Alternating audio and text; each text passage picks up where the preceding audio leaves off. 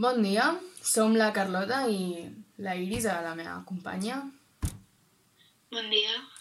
I en aquest podcast parlarem sobre els beneficis psicològics de les activitats artístiques que fem quan estem confinats amb aquest, em, aquesta pandèmia no?, que estem vivint. Em, per començar, volem aclarar uns temes, que és la salut mental. La salut mental eh, és tan important com la salut física i els problemes que pot generar una mala salut mental són estrès, ansietat, depressió i molta gent aquests dies pateix estrès o ansietat. Sí, eh, després volem fer una petita introducció a totes aquestes activitats artístiques, començant per la música, eh, després dibuix i poesia i relat també.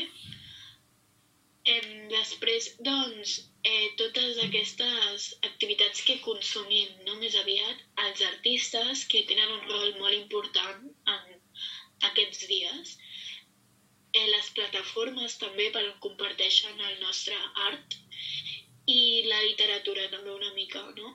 I després per acabar concluint amb si realment és important aquest art durant aquests dies d'aquesta situació extraordinària, no? Val. Doncs per començar presentarem una mica què són els beneficis psicològics. Eh, doncs en l'àmbit artístic, es pa, dels beneficis psicològics que, aconsegui, que aconseguim, es parla de l'art-teràpia i els nostres beneficis són el nostre benestar social i emocional. L'art-teràpia treballa amb emocions i sentiments de les persones, millora les relacions socials i ens ajuda a conèixer-nos sobretot a nosaltres mateixos i a desenvolupar-nos. Començarem amb la música. Sí, em, és que em, hi ha molts tipus de, de música i molts beneficis també, perquè, per exemple, aquesta et genera menys estrès i redueix els símptomes de depressió i pot modificar i millorar el teu estat d'ànim.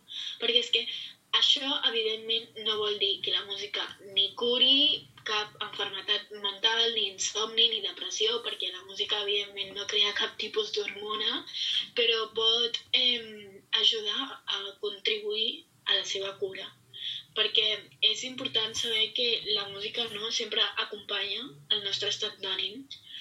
Per això, quan estem tristos, molta vegada, moltes vegades no sabem ni per què, però ens posem música trista i quan estem contents, motivada no? per alegrar el nostre estat d'ànim. Però eh, també fins i tot el pot canviar. De sobte estar normals i sentir molta nostàlgia per culpa d'una cançó que estem escoltant. Exacte. I això que parlem de relacionar les cançons o estils de música amb sentiments es diu musicoteràpia. Eh, és una teràpia psicològica que permet a les persones entendre millor les seves emocions, entendre millor què és el que senten, no? Moltes vegades ens, ens podem sentir confosos de què és el que ens està passant o la gent que pateix ansietat o estrès eh, doncs la música és una manera que els pot ajudar a sentir-se millor, no? a millorar la seva salut mental. El següent punt és el dibuix, les activitats... Sí, eh, sí. és una manera molt diferent d'expressar l'art en general. I és que dibuixar i pintar normalment s'acostuma a associar a les persones més petites i, i realment està demostrat que els ajuda a, a expressar-se, a relaxar-se i a induir la seva creativitat, no?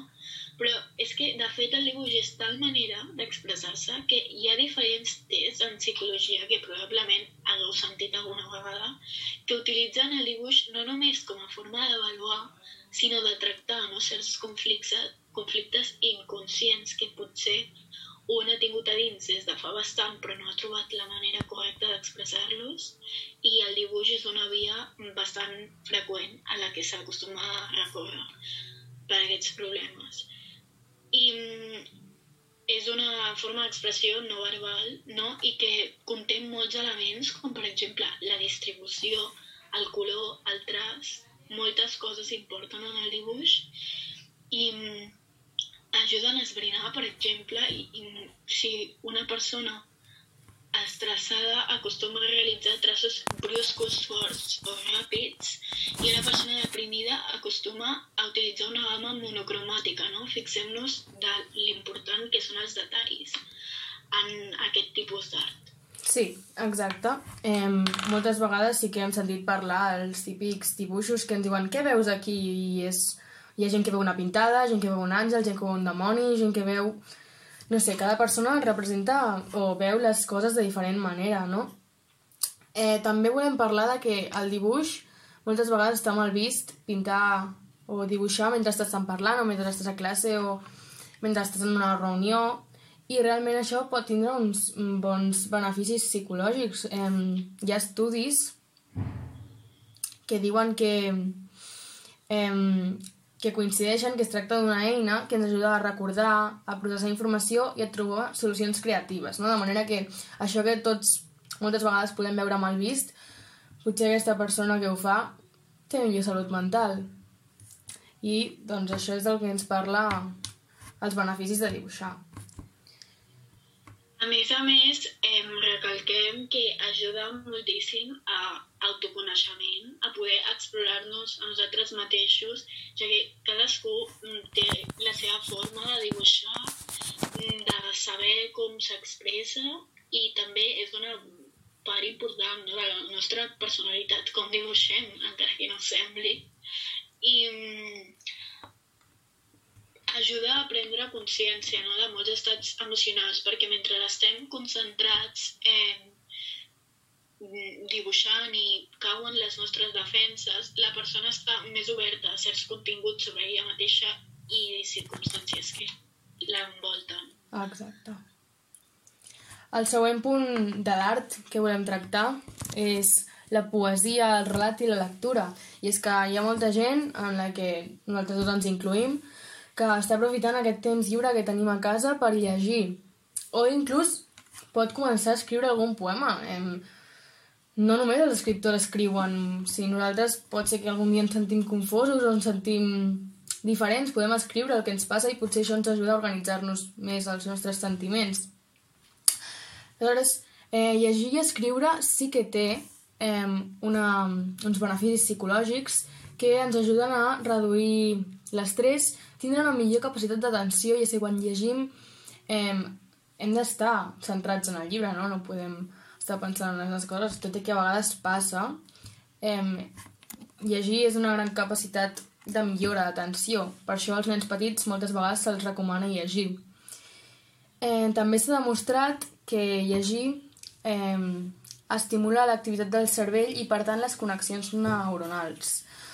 Més enfocat, molts psicòlegs deman, recomanen a una persona amb, amb problemes o inclús a qualsevol persona mm, sense, amb una bona salut mental escriure un diari. Sí, i és que hi ha un investigador que va fer un estudi, va posar a escriure a dos grups de persones, no? De 15 a 20 minuts diaris, com un diari que qualsevol podem fer. I mm, el primer grup va haver d'escriure sobre alguna experiència traumàtica o estressant i el segon sobre temes neutres en els que gairebé no s'implicava. I els, els resultats ens van donar els van donar que el primer grup em va millorar psicològicament, va donar resultats molt més positius que el segon, no? I aquest estudi aleshores demostra que si durant aquests dies estem estressats i volem escriure i deixar-ho anar, doncs això realment ens donarà una repercussió psicològica molt positiva. Exacte. Eh, els beneficis així més, eh, més importants, no? que més volem remarcar, és que eh, això, que la lectura i la, escriure, un diari sobretot, eh, ajuda a organitzar els nostres pensaments, eh, també afavoreix l'autoconeixement, eh, i és que quan nosaltres intentem escriure una cosa que sabem o que pensem, hem de saber trobar les paraules no? per fer-ho i per això afavoreix que coneixem millor com, com estem, què, estem, què estem sentint.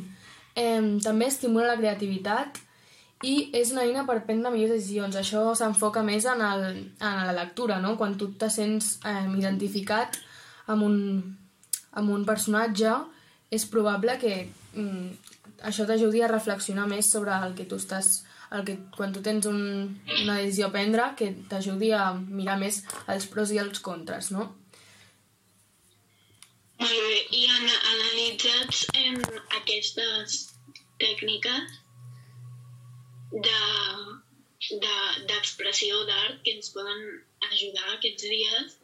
Després estan les activitats no, ja creades per altres persones que nosaltres consumim eh, moltes vegades infravalorem el treball dels artistes, no? que surten per la televisió, actors o actors que escoltem i llegim. Però realment, què passaria si no tinguéssim alguna cosa per entretenir-nos a casa? No? Si no poguéssim escoltar música i si no tinguéssim llibres per llegir, perquè si ho pensem, no sempre hem tingut aquestes facilitats i de fet hi ha moltes persones que no tenen accés a internet i per tant no tenen accés a la gran majoria dels medis d'entreteniment actuals. No? Aleshores, els artistes eh, són importants no, aquests dies perquè proporcionen medis d'entreteniment, ja sigui una pel·lícula o un relat. I això ens fa pensar que em, realment és important no valorar la feina dels músics, actors o, o escriptors, perdó, ja que l'àmbit artístic acostuma a estar força infravalorat avui en dia, però cal recordar que la majoria de coses que fem durant aquests dies de confinament són gràcies a aquestes persones que es dediquen a l'art. Exacte. Per tant, podríem viure sense ells, doncs, probablement, no? Però eh, la, la veritat és que la nostra salut mental i física empitjoraria Sí, després també parlem sobre aquestes plataformes que eh, tothom parla, no? Netflix, HBO, Filmin, que doncs aquests dies tothom està utilitzant més, però qui hi ha darrere d'aquestes pel·lícules, d'aquestes sèries que nosaltres veiem?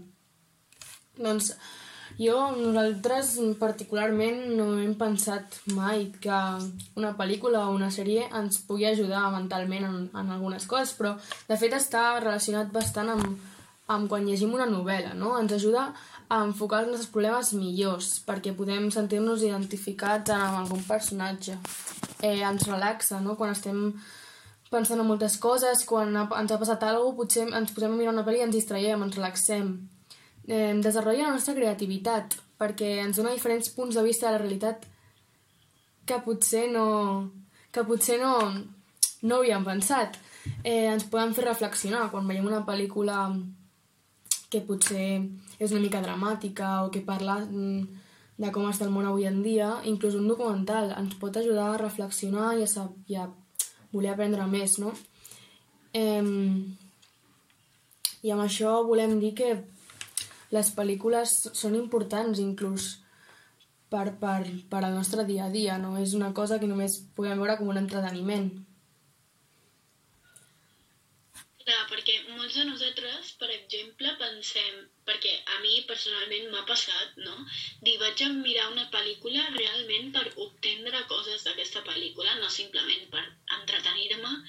I, no sé, per exemple, ens posem a veure una pel·lícula on sortin coneixements matemàtics o qualsevol altra cosa que ens interessi, pensant que és l'únic que obtindrem d'elles, no? que només serveixen per no avorrir-nos. Però, però realment, com ha dit la Carlota, em, són una eina molt útil per ajudar a relaxar-nos, a prendre consciència de moltes coses, sentir-nos identificats, reflexionar, no només mm, entretenir-nos, no? tenen funcions realment bastant importants. importants. Exacte. Amb això volem arribar a aquesta pregunta que ens plantegem. Eh, podem estar bé psicològicament sense les activitats artístiques que fem o consumim? És important aquest canvi en el nostre aprenentatge del dia a dia? Aleshores, la conclusió que hem tret és que sí que podríem viure i podríem fer les nostres activitats diàries, però la nostra salut mental, la nostra salut física, no seria la mateixa. Potser ens podríem sentir més cansats o la nostra, els nostres graus d'estrès i ansietat pujarien. Eh, sinó moltes vegades ens centrem només en la salut física. en fer esport i mantenir-nos actius aquests dies, però és important mantenir la ment creativa. Els àmbits artístics són molt importants per tindre una bona salut mental i per això tant les activitats artístiques que fem com les que consumim s'han de tindre presents i ser valorades. Amb això us volem animar a que vosaltres a casa aquests dies eh, proveu de llegir, d'escriure, de produir la vostra música, inclús si teniu alguna guitarra, algun instrument a casa o una flauta. Qui no ha tocat la flauta cinquè de primària, oi? Doncs amb això us volem animar que proveu aquestes activitats i que tingueu present aquests beneficis. Exacte, és molt important, no? Tot això. També us volem animar, si voleu, deixar qualsevol comentari sobre si us ha servit, si heu après alguna cosa d'aquesta conversació que hem mantingut i, doncs res, ens veiem en un altre.